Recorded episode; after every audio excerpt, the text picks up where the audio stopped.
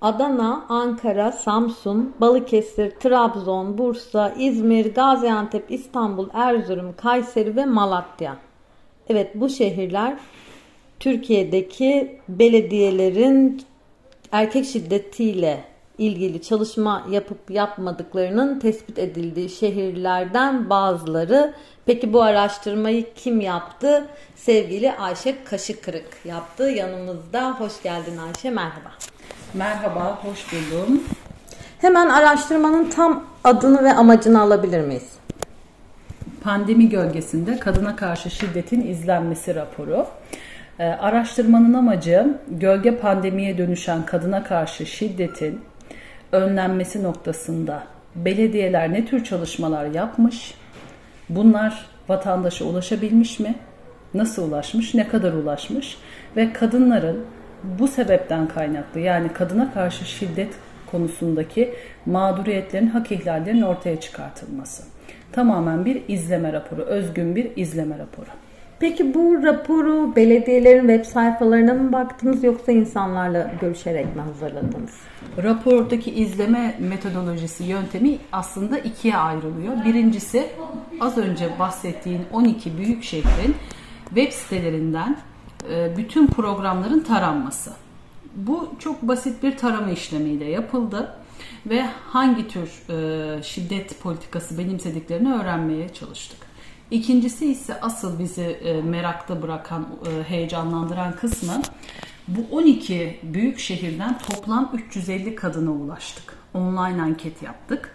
15 Eylül 15 Ocak arasını kapsayan 6 aylık bir dönemde bütün yerel paydaşları harekete geçirdik. Üniversitelere, belediyelere, e, yerel sivil toplum örgütlerini, tanıdıklarımızı devreye sokarak doğru kişiye ulaşmaya çalıştık. Çünkü online anketlerde bazen değişik veriler çıkabiliyor.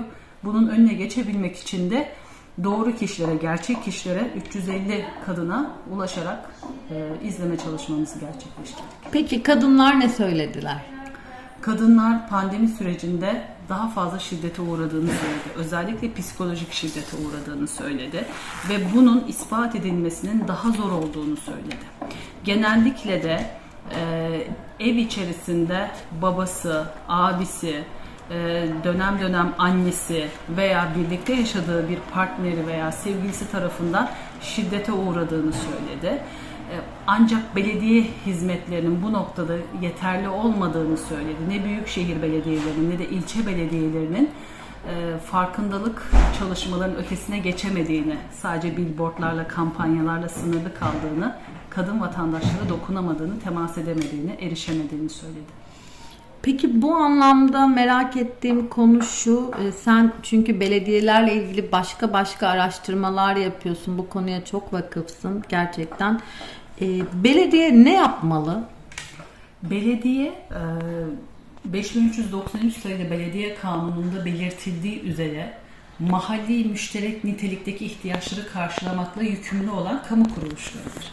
Peki bu mahalli müşterek ne demek? Yani kendi mülki sınırları içerisindeki, kendi il ilçe e, sınırları içerisindeki tüm vatandaşların e, ekonomik, sosyal, kültürel altyapı hizmetlerini sağlamak zorunda.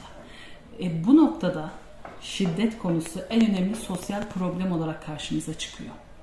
E, yasamız aynı zamanda şunu söylüyor. Yine 5393 sayılı yasanın 14. maddesi diyor ki nüfusu 100 binin üzerindeyse ve Büyükşehir Belediyesi ise ki Büyükşehir Belediyeleri nüfusu 400, 750 bin ve üstü olmak zorunda. E, nüfusu 100 bin üzerindeki tüm belediyeler sığınak açmak zorunda diyor. Tabii kanun buna sığınak da demiyor. Konuk evi diyor ama biz tabii ki bunu konuk evi olarak görmüyoruz. Orası bir sığınak veya sığınma evidir. Ee, diğer belediyeler yani nüfusu 100 binin altındaysa diyor mali güçleri ve öncelikleri ölçüsünde sığınak açabilirler diyor. Ancak bir yaptırım söz konusu olmadığı için şu anda nüfusu 100 bin üzerinde Türkiye genelinde 238 belediye var yaklaşık. Peki kaç tanesinde sığınak var diye çok merak ettik raporda. CİMER'e yazdık Nisan ayında. Cevabı Mayıs'ta geldi. Ve dedi ki toplam 735 kapasiteyle 33 sığınak var dedi. Yani 238 belediye var. Toplam 33 tanesinin sığınağı var. E zaten bunların birçoğu da İstanbul, İzmir, Ankara'da. Mesela İstanbul'da iki tane var. Yenileri açılması planlanıyor. İzmir zira aynı şekilde. E, dolayısıyla diğer Anadolu'daki illerde sığınak çok yetersiz. Peki e, kadınlar e, muhtemelen farkındalık çalışması yapılıyor. Kadınlara dokunulmuyor. E, sorunları gündemleştirilmiyor aslında. Evet. Peki belediyeler bunu yani bir politikaları mı yok? E, toplumsal cinsiyet odaklı bakabilen bir politikaları mı yok? Yoksa hani günlük rutin o iş akışında bunu göz ardı mı ediyorlar? E, göz ardı ediyorlar. E, çok net bir şekilde şunu söyleyebilirim. Belediyeler daha altyapı hizmetlerinden üst yapı ve donatı hizmetlerine geçemiyorlar. Ve sosyal konulara eğilemiyorlar. Nedense belediye dediğimiz zaman hemen altyapı, su, elektrik, doğalgaz aklımıza geliyor halen daha. Halbuki belediyenin e, sosyal belediyecilik anlayışıyla beraber hani sosyal devletin bir yansımasıdır belediyeler. Sosyal belediyecilik anlayışını yansıtması vatandaşın az önce bahsettiğim mahalli müşterek yani vatandaşın can güvenliği, temel yaşam hakkından bahsediyoruz. Bundan daha ötesi var mı? Yani temel yaşam hakkını sağlamadan biz sürekli e, yeni atraksiyonlar peşinde koşan belediyeler görüyoruz. Heykel yapıyor. Halbuki heykeli yatıracağı bir parayla su kemerine bilmem nereye yatıracağı böyle devasa büyük şehir heykellerine o kadar bütçe ayırmaktansa toplumsal cinsiyet çalışmalarını önceliklemiyor. Yani belediyelerin bütününde yerel eşitlik eylem planları birçok belediyede yok. Ee, olan belediyelerse uygulamada zayıf kalıyor. İzleme mekanizmaları çok eksik. Çünkü belediyeler siyasi kurumlar. Yol, su, elektrik yani karşılarında oy potansiyeli getirecek işlere yatırım yapıyorlar ve siyasi davranıyorlar. Partiler üstü konuşuyorum tamamen ama genel olarak şunu net söyleyebilirim birçok belediyeler, belediyede kadın politikası öncelikli politika değil. Çok az sayıda belki bir elin parmağını geçmeyecek sayıda belediye yapıyor. Diğerleri ise yapıyor ama bütüncül bir sistem içinde yapmıyor. Yani e, stratejik planıyla uyumlu değil, faaliyet e, raporunda bahsedilmiyor. Yani bir bütünde bir yere oturmuyor. O anda gündem konusudur bir kadın dayanışma merkezi açmak basına çıkması gerekiyordu. Hı hı hı. Bunu bir PR malzemesi olarak kullanır. Ama bir sistemli olan çok az sayıda belediye görüyorum. Burada ismini zikretmek isterim. Eskişehir Büyükşehir Belediyesi, Nilüfer Belediyesi, Kadıköy Belediyesi, Şişli Belediyesi, bir dönemler Gaziantep Büyükşehir Belediyesi ki şu anda da yapılıyor ama o kadar öncelikli değil. Ee, böyle çeşitli belediyeler var. Ee, hakikaten e, bu işi e, başkan nezdinde artık e, stratejik olarak önceliklendirmiş ve politikalarını uygulamış. Peki bu noktada da tam olarak e, şunu merak ediyorum. Türkiye'deki e, belediyeler sığınak sorununu gündeme taşımıyorlar, kadınlara ulaşamıyorlar e, diyor muyuz? Net miyiz? Net bunu söyleyebiliriz çünkü belediyeler için en önemli problem güvenlik. Sığınak dediğimiz şey yüksek güvenlik gerektiren bir şey. Vakti zamanında bu gözler ya da bu kulaklar şunları gördü duydu. Billboardlara X adresinde konumunu nokta atışı vererek sığınak açıldığını, davullu zurnalı açılış törenleri yapıldığını gördü belediyeler tarafından. Bu çok, çok büyük bir güvenlik zafiyeti. Yani belediyeler de bunun riski atmak istemiyor. Ben bir büyük şehir belediyesinde ismini vermeyeyim. E, şunu söyledi e, bana sığınağı olan bir büyük şehir belediyesi. Koridorda çalışanlarımız sesli sesli birbirlerine sığınağın adresini söylüyorlardı.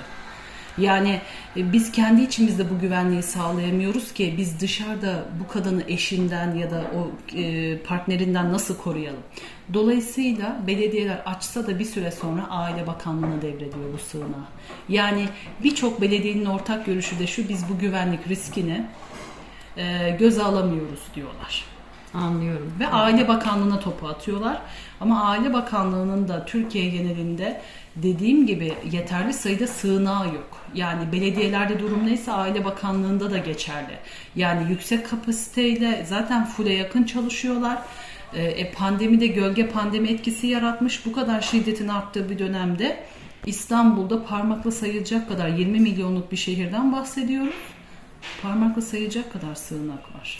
Peki hem bu raporu hem e, küresel eşitlik ve kapsayıcılık ağ olarak diğer raporlarınızı konunun muhataplarına, hani örneğin yetkililere, devlet yetkililerine, Aile Bakanlığı'na olabilir, belediyelerdeki bu konudaki yetkili kişiler olabilir. Onlarla paylaşıyor musunuz? Evet paylaşıyoruz. Ee, Şu anda bu raporumuzun e, yaygınlaştırma çalışmaları devam ediyor. Basında, e, birçok farklı platformda duyurmaya çalışıyoruz. E, Aynı zamanda bütün belediyelere bu raporumuzu gönderiyoruz. E, Ardından e, düşündüğümüz geniş katılımlı bir online webinarla bunu daha geniş kitlere duyurabilmek. E, Aynı şekilde hem bakanlıklara hem belediyeye ee, yani sesimizi duyurmaya çalışıyoruz ama tabii ki bu e, bizim yapabildiğimiz ölçüde belediyenin almak istediği ölçüdedir. Ee, Buradaki belediyelerin bir kısmıyla da yakın çalışıyoruz. Yani buradaki büyükşehir belediyelerinin birçoğu da aslında iyi niyetli bir şeyler yapma girişimindeler ama hem ekonomik kriz şu anda herkesin önceliği olduğu için dediğim gibi yine öncelik kadına olmuyor. Anlıyorum. Peki son olarak bizim aklımıza gelmeyen sizin eklemek istediğiniz e, özellikle rapora dair e, neler var? Bu haberi okuyan ya da bu podcast'i dinleyenler ne öğrensinler bu rapora dair? Öncelikle e, kadına karşı şiddet konusunda e, tek sorumluluğun bakanlık olmadığını, belediyelerin de elini taşın altına atması gerektiğini, belediyelerin toplumsal cinsiyet eşitliğini önceliklemesi gerektiği, bu noktada plan, program, bütçelerini bu noktada yapması, yani kadınların temel yaşam hakkına kavuşabilmesi noktasında belediyeler aslında en güçlü yerel dinamikler. E, Belediyenin bunu sağlaması birçok işimizi kolaylaştıracak. Kadınlar olarak bizlerin günlük yaşamını kolaylaştıracak. Biz sokakta özgürce ve güvenli bir şekilde yaşayacağız. Dolayısıyla en e, nihayetinde e, bizler e, bizlerin oylarıyla seçilen siyasi kişilerin bizim temel hakkımızı, yaşam hakkımızı düşünmesi gerekiyor. Çok teşekkür ediyorum katkıların için. Ben teşekkür ediyorum.